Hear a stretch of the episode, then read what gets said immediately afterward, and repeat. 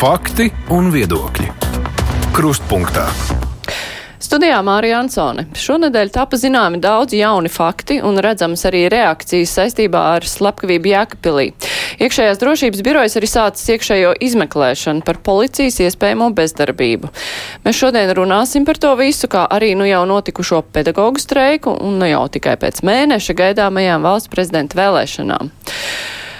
Šodien mūsu studijā ir ne tikai žurnālisti, bet arī politoloģe no Rīgas Stradiņa universitātes lektora lektora Lelda Metla Rozentāle. Labdien! Labdien! Un žurnālisti, TV24 žurnālisti Anita Daugšte, sveika! Māris Antonevičs no Latvijas avīzes, sveiks Māri! Sveicināt! Un tālu, tālu televizorā ir mans kolēģis Aidis Tomsons raidījumā Kruspunktā. Sveiks, Aidi! Sveiki, Māri, netik tālu. Nu, netik tālu. Kopā ar mums tu esi, jā. Sāksim ar to smagāko jautājumu ar Jēkabili. Mm, daudz mēdīju šonadēļ rakstīja, pētīja, mēģināja to notikumu secību salikt, kā ir rīkojusies policija, kā nelaimīgā sieviete mēģināja sevi pasargāt. Mēs dzirdējām arī amatpersonu vērtējums par to, nu, ko ir darījušas viņu padotībā esošās, esošie darbinieki, arī paši. Nu, kādi secinājumi ir pēc tā visa? Ir izskanējis, ka jā, ir jāpilnveido likumi. Tajā pašā laikā jautājums, vai tā problēma ir likumos vai arī galvās, Anita, kā tev šķiet? Nu, es laikam piekritīšu tiem, kas saka, ka šeit ir, šeit ir sistēmas problēma. Vispirms nonāksim nu, teiksim, tā secīgi līdz tam, kāpēc es domāju, ka tā ir sistēmas problēma. Izejot no pēdējā iekšējās drošības birojas, es ceru, analizēs šo situāciju, jo viņiem ir radušās aizdomas par bezdarbību. Un tas ir ļoti būtisks, būtisks teiksim, tā, signāls. Žēl vienīgais, ka viņiem tās aizdomas ir radušās šobrīd, nevis teiksim, tā, pirms Um, pirms šiem traģiskajiem notikumiem. Uh, bet cits um, vakar tika iesniegti divi likuma grozījumi. Um, jaunā vienotība iesniedza krimināla likuma grozījumus, kas paredz ļoti nopietni pa, palielināt sodus par draudiem izdarīt, izdarīt noziedzīgas nodarījumus pret personas veselību, proti no īslaicīgas aizturēšanas līdz trīs gadiem palielināt šo sodu. Savukārt Zaļo Zemnieku savienība piedāvā kriminālu procesu likumu grozīt, attiecīgi nosakot, ka šie draudu gadījumi izmeklē un vardarbības gadījumi ģimenē izmeklējumi prioritārā kārtā. Par, par sodiem. Par sodiem tas ir, tas ir mūžsanais stāsts, vai bargāki sodi uh, kalpo noziegumu prevencijai. Nē, par to simtprocentīgi pārliecināta, bet kas attiecas par procesu, jā, iespējams, iespējams šis ierosinājums varētu krist arī teiksim, tā aug, auglīgi augsnē. Uh, Taču tas pamatojums, ko, to, ko pateica Gunārs Kūtris, kas, starp citu, ir ne tikai bijušais satversmes tiesas priekšstādātājs, viņš arī ir krimināla tiesība eksperts, viņš pateica, jā, nu mums taču trūkst policistu. Man, starp citu, ir jautājums, vai šo uh, trūkuma problēmu, uh, vai šī trūkuma problēma, cik, cik viņa ir uh, pareizs pamatojums šai situācijai. Manuprāt, problēma nav īsti trūkumā. Problēma ir tajā, ka šobrīd uh, policijas sistēma nosaka to, ka viņi nāk pulksten deviņos uz darbu un pulksten piecos iet mājās. Viņiem nav nekādas uh, atalgojuma, nekādu citu, uh, citu stāstu par to, kas viņu dzīvē mainās no tā, vai viņi ir novērsuši, uh, apkarojuši, atklājuši noziegumus vai nav. Es nezinu, vismaz man, man nav zināms, ka tāda sistēma būtu. Līdz ar to tas nav tāds, tāds tā kā misijas darbs. Treškārt, nu, 50 gadu vecumā policists dodas pensijā izdienas. Nu, principā vīrietis 50 gados, ja, ja mēs runājam par vīriešiem, nu, īstenībā arī par sievietēm, tad nevajadzētu. Nu, tie ir cilvēku spēku gados, viņi vienkārši dodas prom un viss. Un tad iznāk, ka tas ir tāda, policists nav nu, ierēdnis tādā izpratnē, ka viņam ir jāsēž un ar papīriem jāstrādā un jāsako tam, vai viņš lūk ir tur e, vienu tur strīpiņu smuki savilcis uz, uz, uz tā dokumenta vai nē. Tas īstenībā tas nav tas. Es, es, es domāju, ka šeit ir ne tikai iekšējās drošības birojiem jādomā par jāpēta bezdarbību. Šeit ir jādomā visai valsts policijai un arī valsts policijas priekšniekam ir jāsaka, kā viņš pārkārtos sistēmu. Mm. Nu jā, bet tad jautājums tomēr ir par šo te ieinteresētības trūkumu izdarīt kaut ko, nevis būt darbā formāli kaut ko izdarīt, nu, bet tieši izdarīt jā, nu, kaut nu, ko valds, ar rezultātu. Valds Pumpurs, bijušais krimināla policijas priekšnieks, laikrakstā Diena, ja, pateica, ka, ka sistēma, kāda sistēmas vēl bija sargāk. Priekšnieks uzsit dūri galdā ar brēcienu, ka prēmiju tam mūžam neredzēt, ja ne, ne, nenotiks tas un tas un tas. Tagad, spriežot pēc visu, neviens nevienam dūri nav nekur sitis, es domāju, galdā. Kādu secinājumu?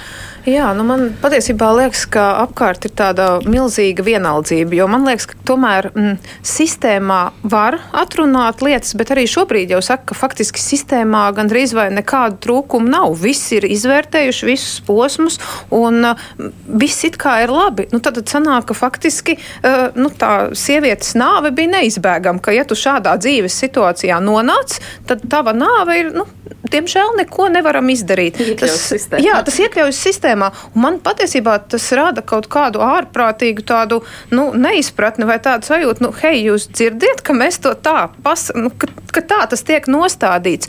Uh, un līdz ar to nu, patiesībā jau laikam ir tā, ka sistēmā visu nevar atrunāt, ka tomēr ir arī šis cilvēciskais faktors. It īpaši, ja mēs nerunājam par kādu megapolu, mēs nerunājam ne par Ņujorku, ne par Londonu, ne par vēl kādu citu milzīgu pilsētu ar miljoniem iedzīvotāju. Mēs runājam par tomēr tomēr salīdzinoši uh, nu, Latvijas maz, nu, ne mazpilsētu, bet reģionu pilsētu, kur daudz ko viens par otru zina, kur, kur nu, parasti vienmēr mēs zinām, ka tankas skrien pa priekšu vēl notikumiem.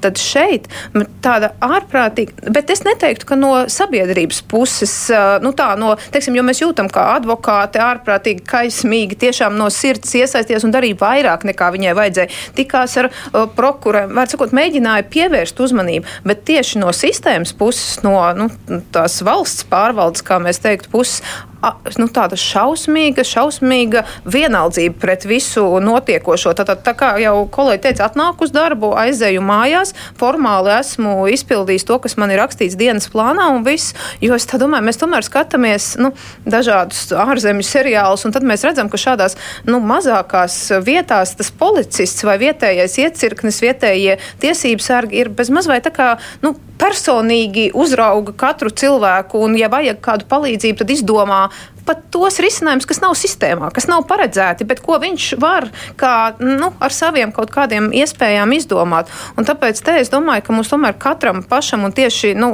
tai valsts pārvaldes pusē ir jāpārāk padomā par to savu attieksmi un to, ka nu, šoreiz patiesībā tā sieviete nomira tāpēc, ka mēs vienkārši no sirds nedarījām, nu, tie, kam vajadzēja darīt, nedarīja savu darbu no sirds, bet darīja tikai formāli ķeksīšu pēc. Māri, kāda tava secinājuma? Es domāju, daudzi, daudziem var pārmest, ka viņi nedara darbu, varbūt tā, kā to vajadzētu darīt. Nu, tur ir dažādi apstākļi. Noteikti, noteikti kāds tur teiks, ka viņš ir izdedzis darbā, ka viņš arī nu, nu viņš ir vietu darbu tikai iešanas pēc. Un, un, un, ir, ir visās profesijās tādi cilvēki, un, un tur nu, no tā neizbēgs. Tagad pievērst uzmanību bļaut, ka tikai policisti ir slikti, jo mēs visi pārējie strādājam no sirds un, un visu izdarām līdz galam. Savā, nu, tas, tas varbūt nebūtu īsti taisnīgi, kas man nepatīk pēc visas šī ir tādas divas, varbūt divas tādas pazīmes pazīmes, ko es vēroju tajā publiskajā diskusijā, kas tā izteikti parādās. Pirmais ir tād, tāds mēģinājums um, nu, tā katram, katram to savā, savā lauciņā nostiprināties, nostāties un tā priekšā rokas. Un, aiz, un es, es neko, es neko man, uz mani tas nēties, mēs visi izdarījām, ko varējām. To es redzu no tām mm, nu, priekšnieku. Tas, tas, tas varbūt nav no tādiem policistiem, par ko te skan vairāk tie pārmetumi. Man liekas, tieši tie priekšnieki mēģina katrs to savu institūciju tā, tā, kā, tā kā aizsargāt, nu, nu, tagad no tā, ka nu, neko jau nevarēja darīt. Un otrs, kas ir arī, kas varbūt ir tāds pretējs virziens, nu, ka tagad, nu, tas, nezinu, man liekas, ka politiskajā filozofijā to sauc par normatīvu normatīvismu, nu, mēs tagad visu atrisināsim ar kaut kādiem priekšrakstiem, likuma labojumiem, nu, tas pašā augstākajā, bet nu, priekšrakstiem, instrukcijām, visu tagad visu sakārtosim, un tad viss aizies un viss noritēs.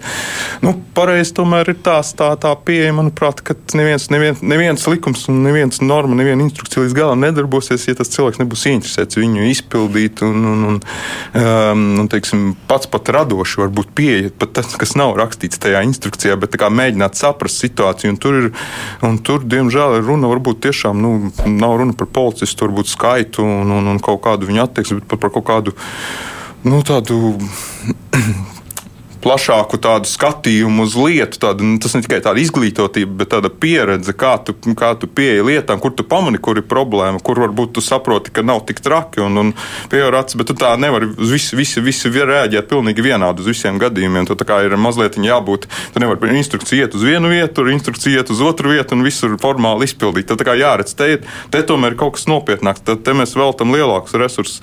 Un es nezinu, vai katrā, katrā policijas iecirknī var, vai būs tik ideāli, ka katrā policijas iecirknī būs šāda um, sistēma, nu, ka tur būs tomēr cilvēki, kāds cilvēks, kas to redz un, un kas novirza, un vēlams, ka tas būs kaut kādā vadošā amatā, un viņš to tur savus padotos izdzinās.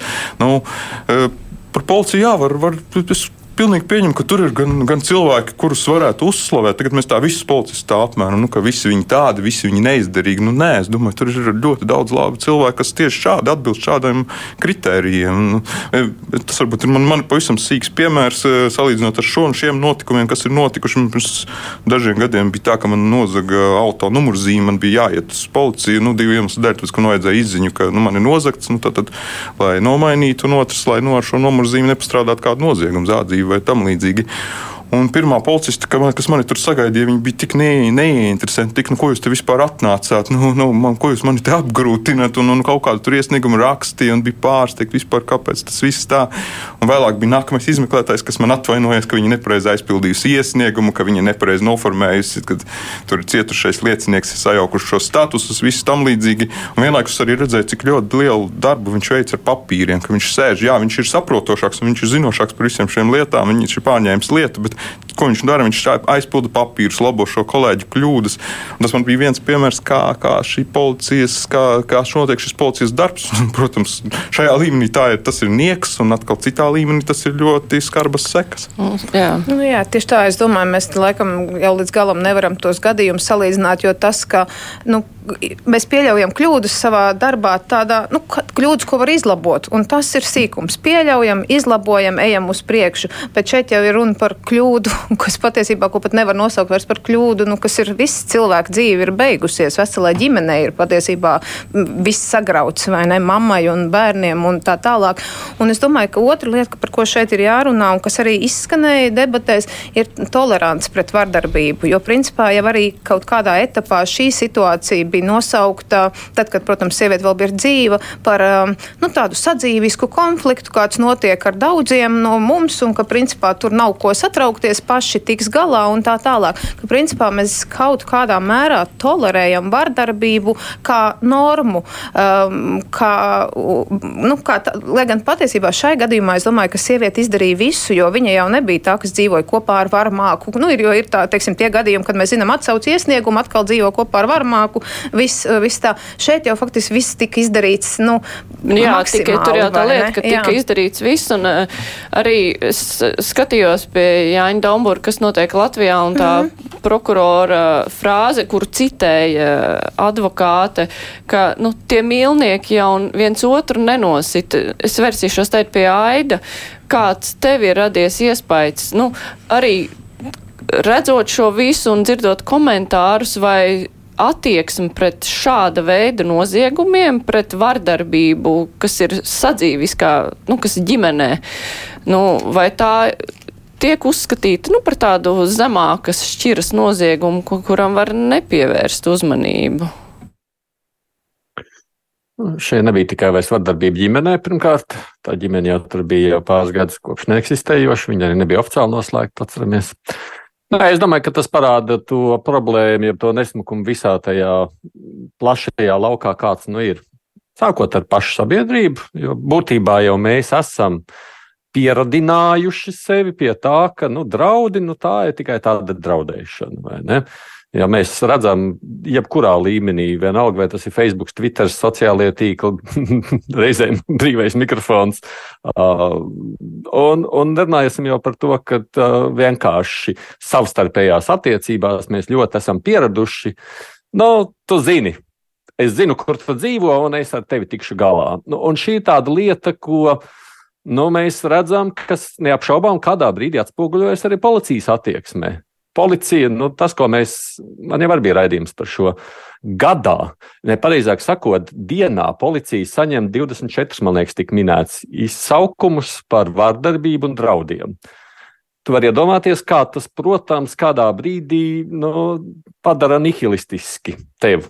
Jo tu saki, nu, bāc, nu, nu, ja, ja tev ir dienā desmitiem šāda veida jau izsaukumi, nerunājot par tiem, kas nekādā gadījumā neziņo. Mums pietiekoši daudz neziņojošu. Līdz ar to šis ir tas nu, kaut kādā mērā rezultāts. Skaidrs, ka policijas bezdarbība tur ir. Citādi jau to nevar nosaukt. Tā ir papīru rakstīšana, ja, procesu ierosināšana, bet reālas darbības nav notikušas. Patiesībā jau reālas darbības tālāk nav notikušas.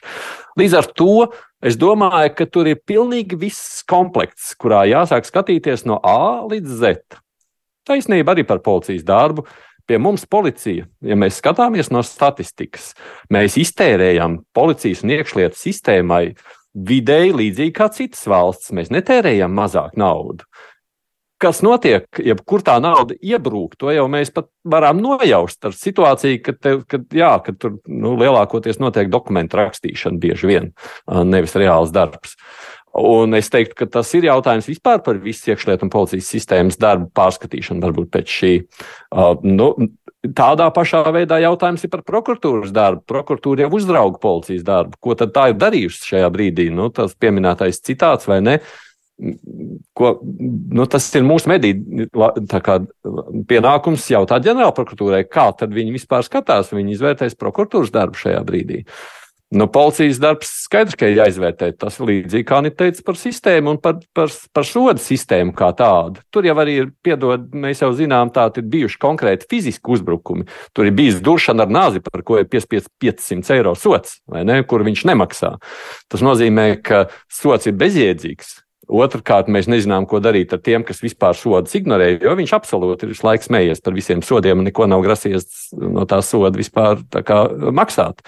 Un policija vienkārši nezina tādā brīdī, ko darīt tālāk. Tajā brīdī, kad kāds to apzināti nedara.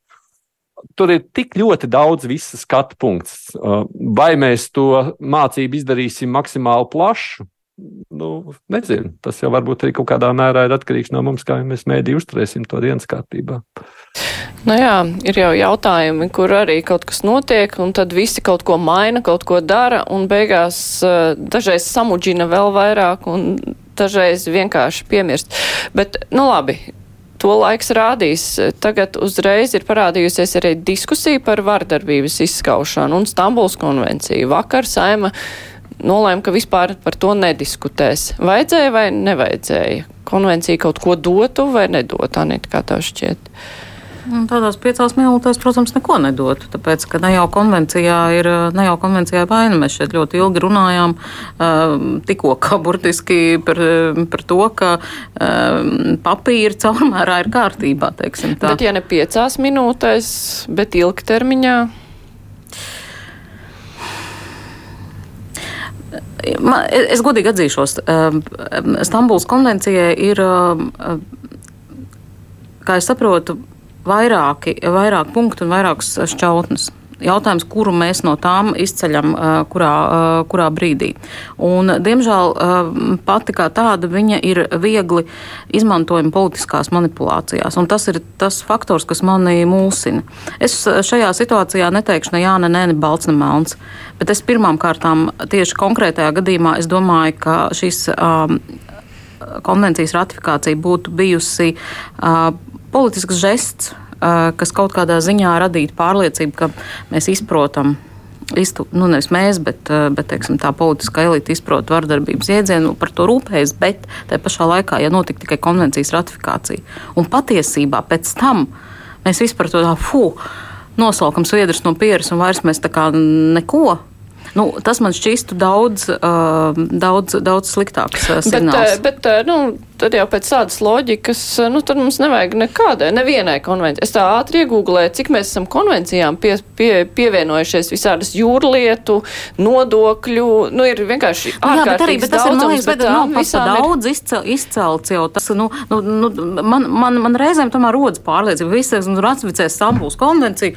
Nu, Un tad viss. Un tas tāds normatīvs mums augstākajā pakāpē, ko es pieminēju, nu, kad kaut kāda vēl virs likumiem konvencija tagad kaut ko risinās. Mēs pat likumos šajā laikā nevarējām ierosināt, neviens nevarēja ierosināt tādas normas, lai, lai mazinātu šo situāciju. Nē, kaut kāda vispārīga konvencija, kas ir, nu, tas ir, jā, tas ir ideoloģiska diskusija, ideoloģiski partijas ir um, atšķirīgās pozīcijās. Nu, skaidrs, ka tas ir tāda politiska spēle šobrīd atkal izvilkt šo konvenciju un, un pēc būtības varbūt pat kaitēt šī jautājuma risināšanai, izvelkot to priekšā. Tā Nē, nu, tas ir runājot par tas... politisko diskusiju, bet jautājums. Jā, nu tieši tā, man liekas, ka tā pārāk spēle šajā brīdī tas būtu kaitīgi politizēt šo jautājumu ar kaut kādiem ideoloģiskiem strīdiem, un šis tiešām nav ideoloģisks jautājums. Te būtu jārunā tiešām par, par problēmu un kā viņu veiksmīgāk risināt, nevis sākt katrs no savām partijas pozīcijām tagad kaut kādas savas spēles. Nu, bet, ja mēs, eh, citā run... laikā par to var atkal diskutēt, bet nu, šis brīdis tiešām bija, nu, tas bija apzināti, man liekas, tā mazliet pat, pat kaitīgi šajā brīdī atkal tieši izvilkt un mēģināt stāstīt, ka tiek pretī atbalsta vardarbību. Nu, tā, tā tas nu, nav. Nu, tā tas nav, bet Stambuls konvencija principā viņi ir ratificējušas, nu, var teikt, visas Eiropas Savienības valsts, izņemot Latviju, Lietuvu un dažas vēl postsociālismu valsts, pat Poliju, viņi ir ratificējuši, nemaz nerunājot par visām lielvalstīm, jo principā viņa uzliek mūsu tiesību sistēmai stingrākus rāmjus, kā ir jāregulē uh, vardarbības problēmas. Un uh, man studenti ir pētījuši, kas notiek valstīs, kurās ir tātad ratificēta Stambuls konvencija, un līdz ar to par pienākumu ir uzlikts stingrāks vardarbības regulējums. Un principā, protams, nevar jau teikt, ka tas nu, tā ir tāds automātiski vienā dienā uzreiz Stambuls konvencija sakārto sistēmu, bet principā ir novērojama šī te tendence, ka pēc pēc tam sakārtojot likumdošanu atbilstoši Stambuls konvencijas prasībām par vardarbības ierobežošanu, arī vardarbība pret sievietēm, nu, pārsvarā tātad ir iet runa par vardarbību pret sievietēm, šai valstīs mazinās. Tā kā nevar teikt, ka tas ir tāds tukšs dokuments, viņam ir ne, jēga. Jā, tādā... Šobrīd viņš ir Latvijā ļoti ideoloģisks svars, tāpēc, tāpēc viņu virzīt, tas ir, nu, iesklīgi ideoloģiskās politiskās mēs diskusijas. viņu kā tāda, nu, atpalicīga valsts esam pārvērtuši par tādu tādu aspektu. politisko instrumentu. Tāpēc. Es gribētu vēl vienu tādu plašāku aspektu, kas man arī ienāca prātā, ko es pēkšņi atcerējos, ka es viņu saklausīju arī šajā lietā no konkrētajiem policistiem. Un atcerējos, pirms daudziem gadiem bija Anglijas presē diskusija, kas arī nu, daļai bija atnākusi Latvijam, jo viens no Anglijā dzīvojošiem latviešiem bija arī uzrakstījis rakstu Latvijas presē par to, ka visa šī e, e, cilvēktiesību sistēma arī pārāk tomēr ir bals, e, būs sākusi būvēties tādu, uz tādu toleranci nu, kā arī, kā arī varmākam ir savas cilvēktiesības, arī šim noziedzniekam ir cilvēktiesības, kas jāņem vērā. Mums mēs tā nedrīkstam viņu nu, bez vainas, nu, tā pirms priekšlaicīgi, nu, viņam jānodrošina apstākļi un tam līdzīgi. Un es arī saklausīju šajā kaut kur vienā no šiem rakstiem parādījās, ka policists bija teicis sievietei, jā, mēs tagad bez vainas to, to, to, to aizdomās turamo turēto aizturēsim, viņš mums iesūdzēs Eiropas cilvēktiesību tiesā, mēs būsim spiesti viņam maksāt. Tā kā ir šī problēma, kas, kas varbūt liek, liedz darboties, ka, nu, kad, ah, ja nu tur ir kāds, viņš pasūdzēsies, ka viņa kaut kādas cilvēktiesības nu, pārkāpj. Tieši tāpēc mums vajag likumā stingrāku regulējumu, lai mēs šādās Bet, situācijās. Eiropas nevadās pēc Latvijas likumiem, viņi vadās tieši ne, pēc, pēc konvencijām. Nē, nu, redziet, tāpēc jau mums nav tās konvencija ratificēta. Cilvēktiesības konvencija ir cita. Jā, jā, mums ir daudz konvenciju. Man liekas, ka ļoti svarīgi ir, lai mums tagad mēģinot atrisināt šo rebus un, un mēģinot, mēģinot kaut ko sistēmiski labot, mēs neaizbraucam kaut kādos pilnīgi citos citos grāvjos. Ehm, kādā aspektā, piemēram, ehm, ziņa TV24 raidījumā dienas personība labklājības ministra Revika Siliņa pateica, ka tagad būs 15 anonīmie dzīvokļi veidot, kur eh, tiks ehm, izvietot šie draudu un varmācības upuri. Manuprāt, iepriekš visa sistēma tika virzīta uz to, lai izolētu varmāku no upura šī gadījumā mēs aizējam, mēs aizpildām pretējā, uh, pretējā virzienā. Latvija nav Amerika. Tu nevari uh, anonimizēt cilvēku, aizsūtot viņu uz Aļisku vai Honolulu, kur viņu tas uh, potenciālais varmāk neatradīs.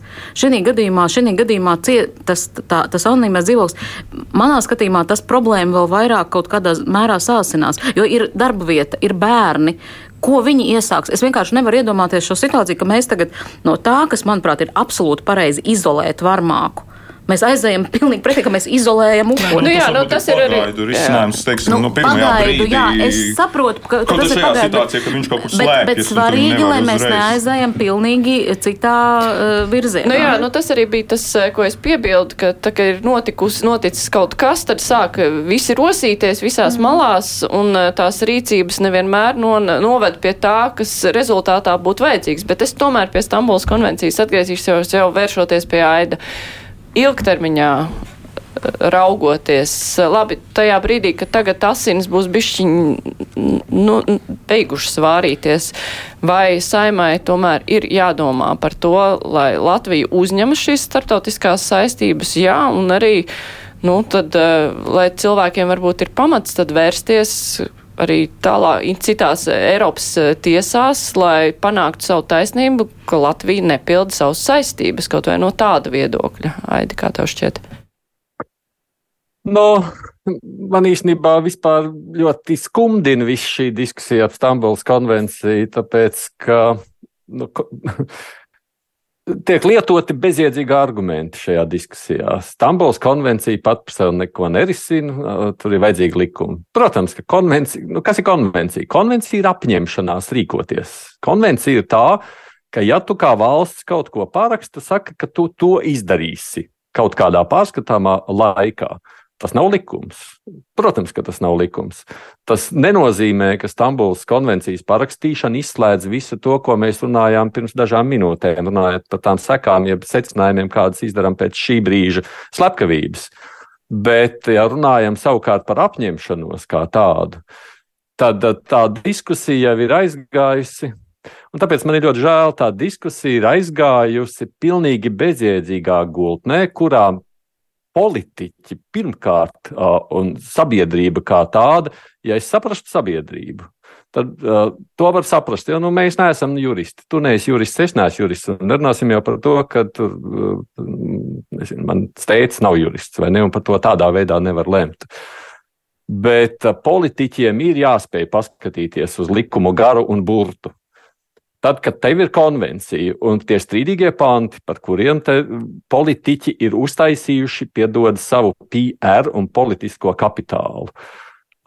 Tad, kad ir šie strīdīgie panti, tāpēc jau ir juridiskais skaidrojums, jeb tāpēc ir tā saucamais skaidrojums, kurš ir jau sen izplatīts, kurš citām valstīm, tajā skaitā pat tādām valstīm, kas ir, piedodiet, tiešām ļoti konservatīvas, sen vairs nerada jautājums.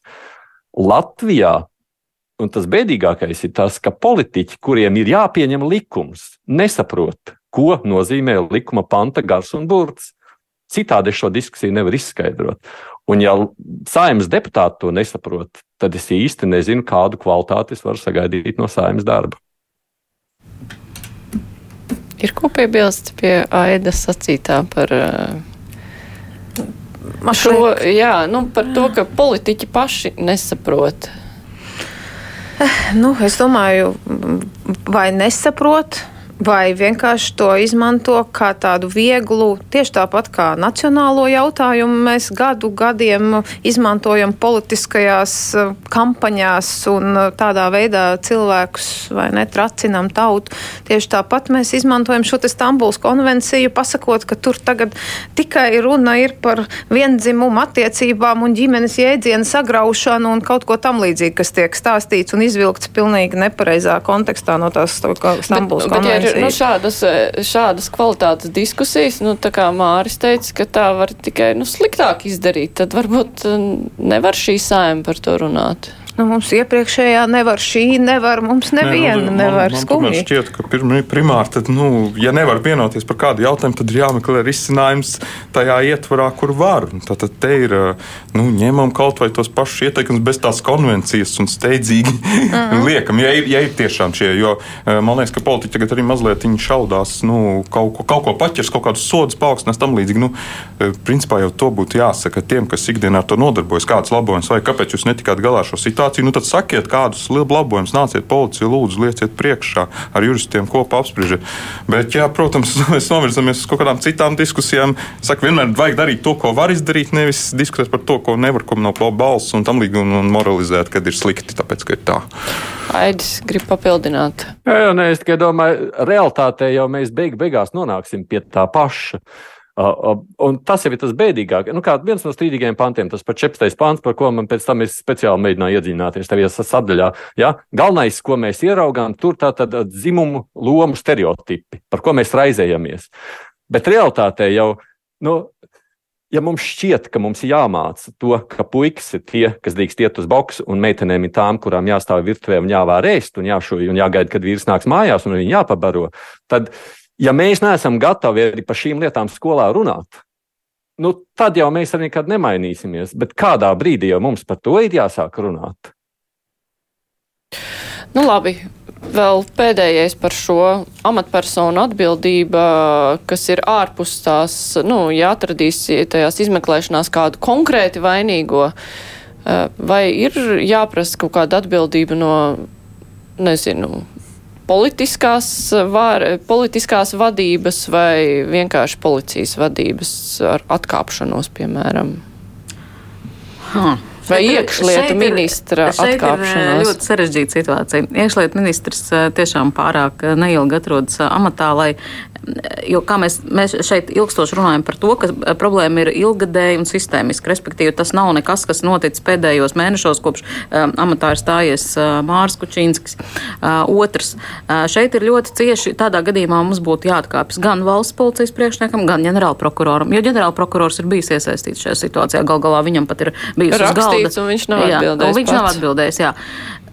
Tā tad jautājums, kādā veidā mēs paceļam šo, jo Jo šeit ne, nepietiktu ar to, labi, tika, tika aizsūtīts Grišīna kungs, eh, kuram nu, nu pat jau tur, es nezinu, vai izdienas pensija vai, vai rotācija vai kas jau nu tur draud, ja viņš ir tā kā nedaudz tādā klibās pīles situācijā, un viņi tagad aizsūta ats, atskaitīties par šo, par šo jautājumu. Jautājums, kāpēc eh, Armāns Ruks eh, tur nesēdēja un neatskaitījās? Ja šis jautājums ir jau pacelts šādā līmenī, un patiesībā problēma tiešām ir visas policijas policijas sistēmas problēma ja Armāns Ruks netaisās atkāpties pats, viņam bija jāpasaka.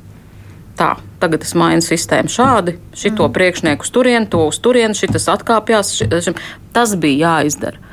Par ģenerālu prokuroru es nemācīšu atbildēt, bet patiesībā tā ir arī mūsu, mums sabiedrībā ir nevis tolerants pret uh, vardarbību, mums arī ir kaut kāda tāda pārs, pārprast tolerants pret, uh, pret dažādām, dažādiem amatiem un dažādām, dažādiem cilvēkiem šajos amatos. Ir kādam jāatkāpjas? Aidis arī pēc tam, nē, es teiktu, es došu vārdu Aidim, viņam ir ko teikt. Nē, nē, nē, es, nē, es tikai teikšu, ka, manuprāt, tas tur jāskatās, kas dod labāku rezultātu. Es, ne, es nedomāju, ka amatu zaudēšana pats par sevi ir. Nu, mēs esam dzirdējuši, tātad Ruksis sacīs, ka Jēkabils eh, policijas priekšniekam nāksies zaudēt savu amatu. Visticamāk, tas būtu loģiski, tāpēc, ka nu, tas kādā veidā, nu, nu, viņiem ir jāuzņemas atbildība par to, ko viņi nav izdarījuši. Te ir jautājums tāds, vai esošie, kas paliek ir spējīgi tātad šo sistēmu pārskatīt un mainīt, vai nē. Ja viņi paši nav to spējīgi darīt, tad viņiem ir jāatkāpjas un jāļauj nākt vietā kādiem, kas to var izdarīt. Ja, ja, ja, kurš, rezult, kurš nesīs labāku rezultātu, pie tā ir jāpaliek. Jā, es atkal tiešām Aidim pilnībā varu piekrist, es, es gribu teikt, ka es negribētu, lai kāda atkāpšanās ir tas vieglākais veids, kā no šīs situācijas vienkārši iziet ārā. Nu, re, mēs tagad, fū, paldies Dievam, atradām vienu vainīgo, viņu aizsūtam projām un aizmirstam par visu šo stāstu. Drīzāk, jo vienmēr ir tas jautājums, vai atkāpšanās. Uh, vai atkāpšanās kaut ko atrisina, vai arī mēs tiešām sekojam līdzi, lai tie cilvēki, kas tagad paliek tajā amatos, tiek galā beidzot ar šo jautājumu? Nē, nu, būtu interesanti, protams, vai, e, ko parādīs šī izmeklēšana. Nu, kāds jau noteikti ir, e, kas, kas ir tieši bijis atbildīgs par šo situāciju, nu, un kāda būs viņa aizstāvības argumenti, nu, ka, kāpēc viņš to ir pieļāvis. Bet tādā augstākā līmenī nu, tā man var būt tāda izrādīšanās, ka mēs kaut ko darām, nevis reāla darbība. Jā, labi. Es domāju, ka mēs arī noslēgsim ar to šo tematu. Es atgādināšu, ka šodien Anita Daugste no TV24 ir kopā ar mums Mārs Antonēvičs no Latvijas avīzes, politoloģija no Rīgas Stradiņa universitātes, Lelda Metla Rozentāle un Aidis Tomsons, mans kolēģis. Mēs turpināsim tūlīt jau ar pedagogu streiku. Raidījums Krustpunktā par pedagoģu streiku jau droši vien arī daudz nav ko vairs runāt. Tur ir daudz jau izrunāts, bet nu, tur tā situācija bija tāda, ka valdība piekdienā pieņēma lēmumu kas eh, tomēr līdz galam neapmierināja pedagogus. Eh, turklāt vēl tas viss notika tik ātri, un tur tā metodoloģija ir tik sarežģīta, ka pedagogi arī teica, nu, mēs nevaram tā 5 minūšu laikā visu iz, izdarīt un novērtēt, un streiks notika. Un Savukārt no izglītības ministra puses izskanēja, ka streiks ir nelikumīgs, bet nu, tas tā, tā kā pazuda. Tad skolotājiem bija pamats streikot vai nebija gal galā, Anita, kā tev šķiet? Nu, es domāju, ka bija pamats streikot. Galu galā tiešām tajā, tajā brīdī tie pēdējie ugunsdzēšanas pasākumi, nebija, nebija saprotami, nebija saprotams, kas tur īsti ir izdarīts. Un arī tālākā komunikācija, starp citu, ir ārkārtīgi dīvaina. Jo mēs redzējām tā, 21. aprīlī valdība pieņem lēmumu, pasakot, ka viņi izpildīšu streiku prasības.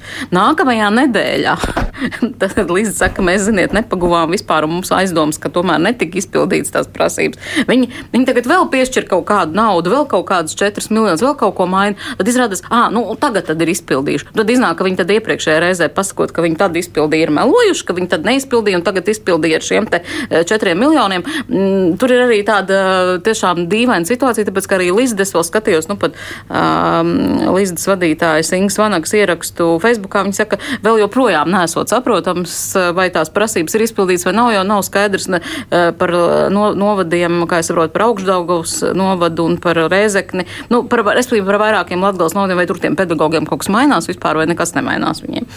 Nu, vienmēr sakot, tā situācija ir tāda mistiska. Man liekas, ka šeit ir drīzāk stāsts par tiem uh, politiskajiem un nepolitiskajiem ieguvējiem. Tur tas, tas ir viens tāds aspekts, kas ir, kas ir jāskatās, vai skolotāji lielā mērā būs nu, tīri, tīri tīri morāli viņi ir ieguvēji. Jautājums, vai viņi tiešām iegūst to, eh, to, to finansiālo atspaidu, un vai tur, vai tur joprojām nav runa par tiem eh, deviņiem santīmiem stundā. Man, ap citu, nav simtprocentīgas pārliecības. Bet uh, tas, Anita, pieminēja šo komunikāciju, kas ir cilvēkam no malas tur tiešām nav īsti skaidrs, kuram ir taisnība.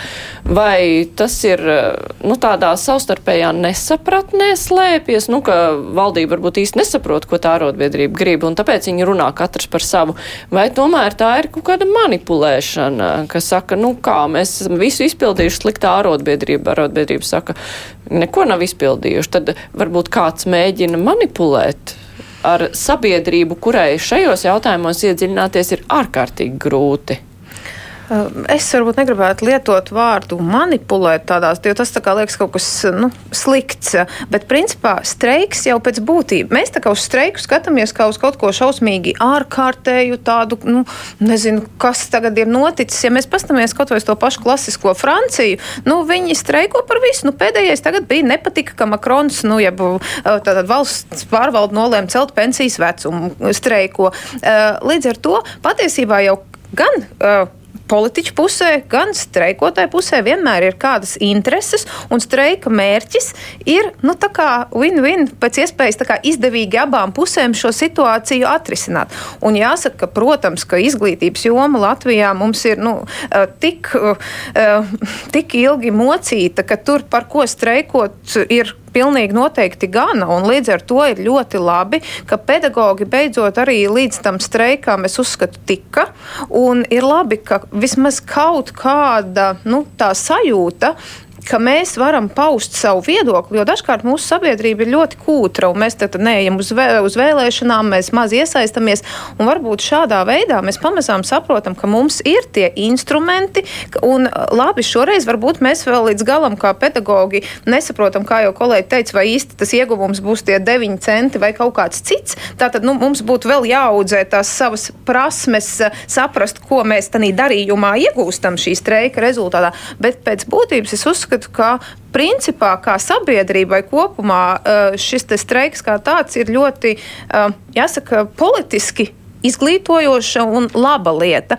Un, eh, ja mēs runājam jā, tad, tad par to manipulāciju vai ne manipulāciju, tad es domāju, nu, ka tāds ir tas mērķis atrast abām pusēm maksimāli kaut kādu. Un viena puse tirgojās, un otra puse tirgojās. Un tāpat laikā, protams, ka pedagogiem ir nepieciešams atbalsts, un tā ir viena no mūsu pamatnozarēm. Līdz ar to pēc būtības šis stāsts, ka viņiem ir nu, ir teiksim, ar streiku starpniecību jācīnās par savām tiesībām, no vienas puses jau nu, nav īsti pareizs. Un, un, un es domāju, ka šobrīd tas, par ko viņš šobrīd cīnās, ir tik tādas bāzes lietas. Bet no otras puses, protams, mēs saprotam arī valsts pusi ar to, ka uh, ir šīs mazās, nu, mazo skolu jautājums, kur, kur valsts vairs negrib iesaistīties, bet pašvaldības vēl aizvien negrib iesaistīties. Un tagad notiek tāda stīvēšanās, vai mēs šo, jo atkal te jau varēja pat pat redzēt, ka arotbiedrības vadītāji to paši teica. Nu, ņemiet to naudu no pašvaldībām atpakaļ uz valsti, lai valsts ir tā, kas pieņem lēmumus, cik kur tur, tur to sadalīs. Jo, jo pašvaldība neviena negrib būt tā, kura uzņemas to mazo skolu sakārtošanas jautājumu.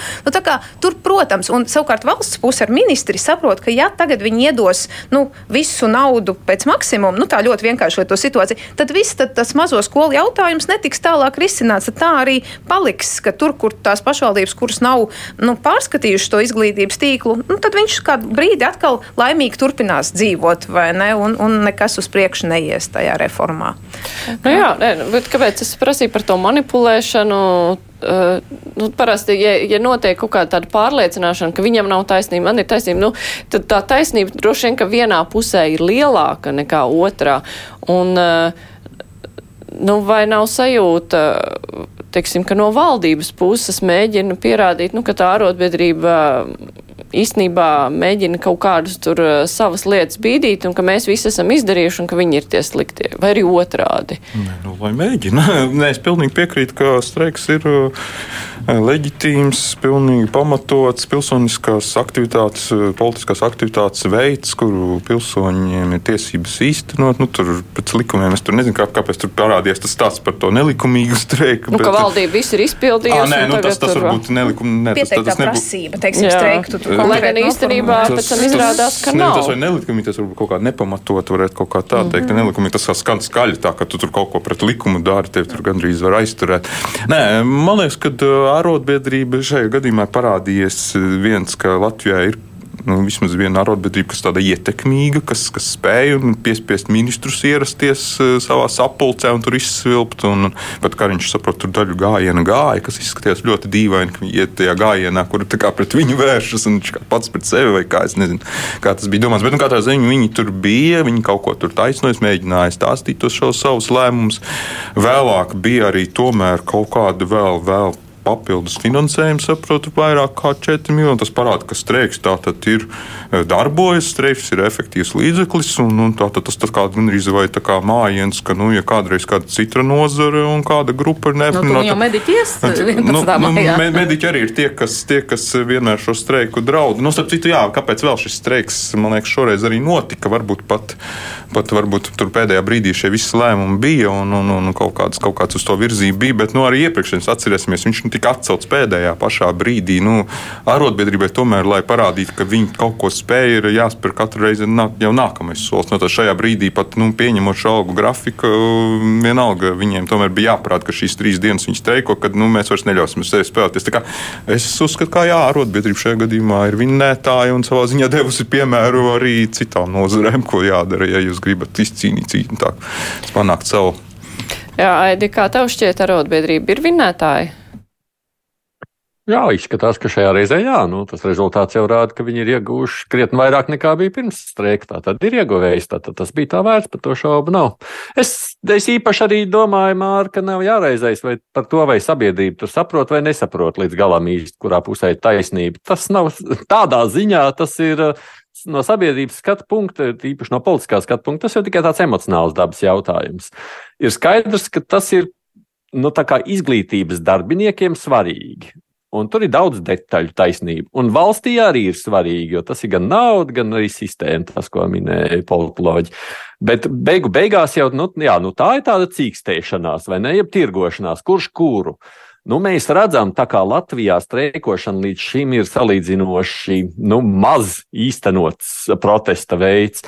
Tad politiķi pagaidām no šīs diezgan daudz baidās un ir gatavi tālu piekāpties. Es pieļauju, ja mēs aiziesim līdzīgi kā Francija, tad tas tā arī tā vairs nedarbosies. Un tad tik viegli ar streikiem vairs panākt nevarēs. Jo, protams, ka nu, tās iespējas jau ir uh, nu, limitētas. Tas arī ir skaidrs. Bet kamēr tas darbojās, arotbiedrība dara to, ko viņa dara. Viņa ir panākusi rezultātu. Viņa ir, es domāju, no, no kā savu arotbiedrību parādījusi, ka viņa spēja un malači, un par to viņas uzsver. Nu, politiķiem jā, jādomā tālāk, kā šo jautājumu risināt. Mums, kā sabiedrībai, jā, nu, es pieļauju, ka simpātijas var būt vienā vai otrā pusē, bet galu galā mēs esam tikai skatītāji, par kuriem primāri jau vispirms raizējās politiķi. Es zinu, ka mums ir ļoti maz laika, tāpēc es pavisam īsi repliku gribu pateikt. Eh, man būs ļoti eh, svarīgi vērot eh, šo piekāpšanās spēli attiecībā uz mediķiem. Jautājums ir, vai Izglītības un zinātnes ministrija dabūja papildus finansējumu skolotājiem, tāpēc, ka Anna Čakša pārstāv jauno vienotību, un vai šis pats triks izdosies Līgai Mendelsonai, kura nepārstāv jauno vienotību, bet nosacīt apvienoto sarakstu nebūdam tajā partijā. Un tas būs ļoti liels tāds, teiksim tā, lakmus papīrs, kas parādīs, vai šī gadījumā streiks un skolotāja prasības bija tas noteicošais faktors, kāpēc šī nauda bija, vai arī pavisam cita apsvēruma. Bet uh, tur tās summas tomēr arī atšķirsies. Skolotājiem tomēr nav tik dārgi kā medicīna. Nu, nu, protams, protams arī. jo arī mediķu prasības ir pavisam cita rakstura, nevis par mm. atalgojumu vairāk, bet par Ar, nozares par finansējumu kopumā. Mm. Bet, nu labi, pēdējās cik septiņas minūtes palikuši, daudz laika nav. Aptauja par prezidentiem bija tāda Levita atbalsta 14,5%, aptaujā to pīlēnu 33,8%, bet 36% negrib nevienu no viņiem. Tur vēl bija mazs atbirums, kuriem grūti pateikt. Tā ir SKDS aptauja. Vai kāds izdarīs secinājums eh, par, eh, vai ņems vērā no tiem, kuriem ir jāvēl tas prezidents eh, par šo, vai arī tam nav nekādas nozīmes, ko sabiedrība vēlas?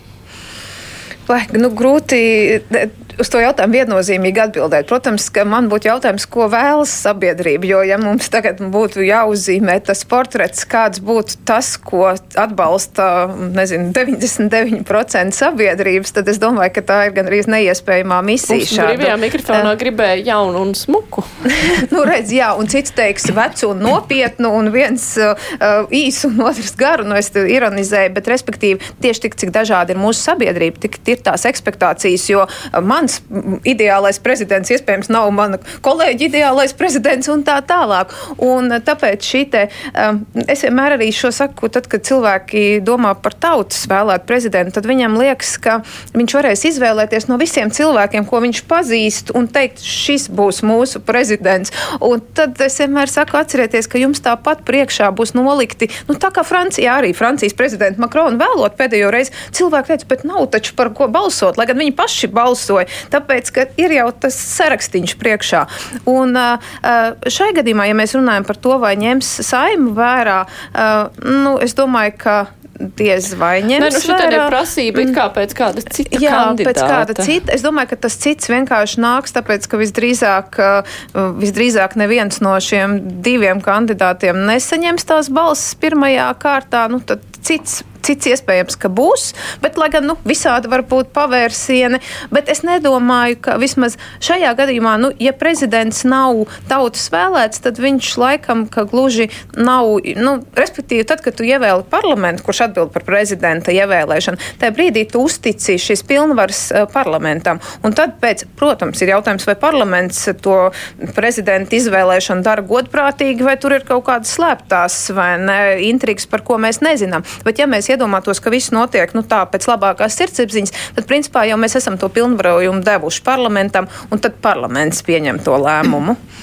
Īsts komentārs ir. Mm, nē, nu man, man uzskata, ka šo, šajā nedēļā jau iepriekš bija, bet šajā nedēļā ar vien biežāk izskan baibas bražas vārds. Un, un man kaut kā arī bija arī augusta brīgmaņa stāsts, ka jāsmeklējiet sievieti un ka mēs te labprāt sievieti kādu atbalstīt. Un, un tad vēl es paskatos vakar bildes, un, un viņi tieši izska, izskatās ļoti tā līdzīgi tā vizuāli pēc Vairas Vīķis Freibergas. Un atceros, atceros ka Vairas Vīķis Freibergas NATO samits bija viņa zvaigžņu stunda, un te atkal cilvēks no NATO. Tā kā kaut, kaut kā sāk bieži tieši šis vārds skanēt, tā kā es teiktu, ka vai tikai trešais kandidāts netiek meklēts, vai tik viņš jau nav noskatīts. Nu jā, bet ja te ir baiba praži ieliktu šajā te aptaujā, tad viss skatītos, kas tā tāda. Nu, visticamāk.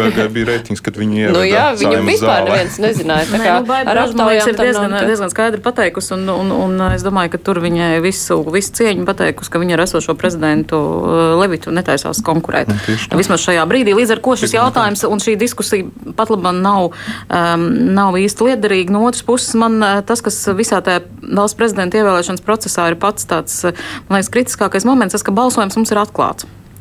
Ļoti labi. Tikai balss tiek sarunāts vienalga aizkulisēs. Un tas ir tas moments, kuru mēs šeit nevaram noprognozēt. Tāpēc šādām aptaujām sabiedrības attieksmei pēc būtības tam nav pat īsti rekomendējošs raksturs. Tas vispār netiek likts uz galda, jo tas neatrodas uz galda. Šī gadījumā mums pat ir grūti noskaidrot, skatoties to, kā tiek pūsta tā migla acīs. Tur vienīgi šlesers ir ciets kā āmurs, sasaka uzreiz man valdība jāizjauc, es tur balsošu par pīlēnu. Ja? Nu, vienmēr sakot, šī gadījumā mēs nezinām, kas ir uz šo aizkulišu sarunāšanas galda.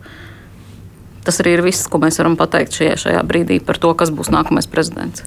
Jā, Aidi. Es domāju, ka šobrīd tas lielais klupšanas akmens, akmens ir Egīls Levits. Um, un droši vien, ka tiek domāts, es pieļauju, kā, kā, kā, kā tā ar godu, ne ar cieņu kaut cik iziet no situācijas, kad viņi varētu noņemt no, no, no, no, no, no kandidēšanas trases. Ja to var izdarīt, uh, nekā citādi, kā vienkārši nu, izgāžot pirmajā kārtā visus kandidātus un tad pēc tam strādājot otrajā kārtā, tad iespējams, ka tā tas varētu notikt. Uh, nu, varbūt, ka meklē iespēju, kā to var izdarīt arī pirmajā kārtā, bet nu, tad pašam Levitam jāprotas, vai viņš to pratīsies. To nu ir grūti saprast, jo izskatās jau, ka viņam nekādas izredzes nav, un es neredzu, kā viņš tur matemātiski. Nu, tad tur jābūt ir baigām aizkulisku spēlēm, kas notiek šobrīd aizmugurē, kurš ko kam piesola ko, lai varētu izvirzīt viņu vēlreiz cauri. Līdz ar to nu, mēs redzēsim, ja gadījumā patiešām pīlēnam izdodas savākt nepieciešamo 51 balsu, nu, tad es sacītu, ka iespējams kādiem no valdošās koalīcijas, domāju, ārpus apvienotā saraksta, beigās ir šķits, ka eh, nu, nav, nav tik ļoti vērts piepūlēties prezidenta dēļ, bet nu, kaut kā es domāju, ka tā tas nebūs.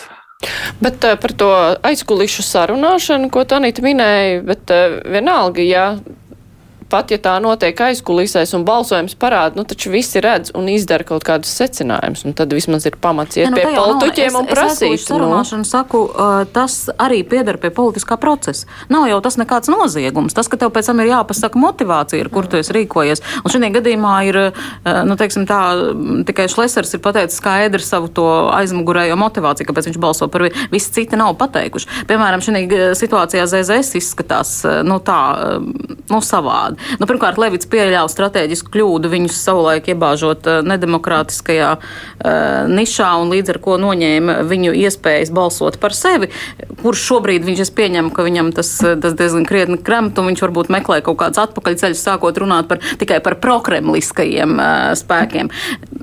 Bet, nu, diemžēl ZZS tur pie rokas tas kongresa lēmums. Tur atkal nav nekādu variantu.